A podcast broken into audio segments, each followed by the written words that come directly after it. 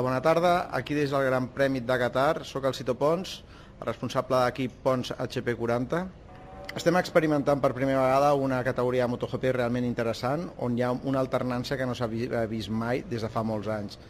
Tenim a l'Aleix Espargaró, que està sorprenent a tots, i pilots que en teoria eren de segon nivell que estan posant-se en, primera línia, com el Bautista, com l'Smith, i la carrera d'avui serà realment interessant. Jo crec que serà una carrera molt lluitada amb pilots que no estan normalment a davant.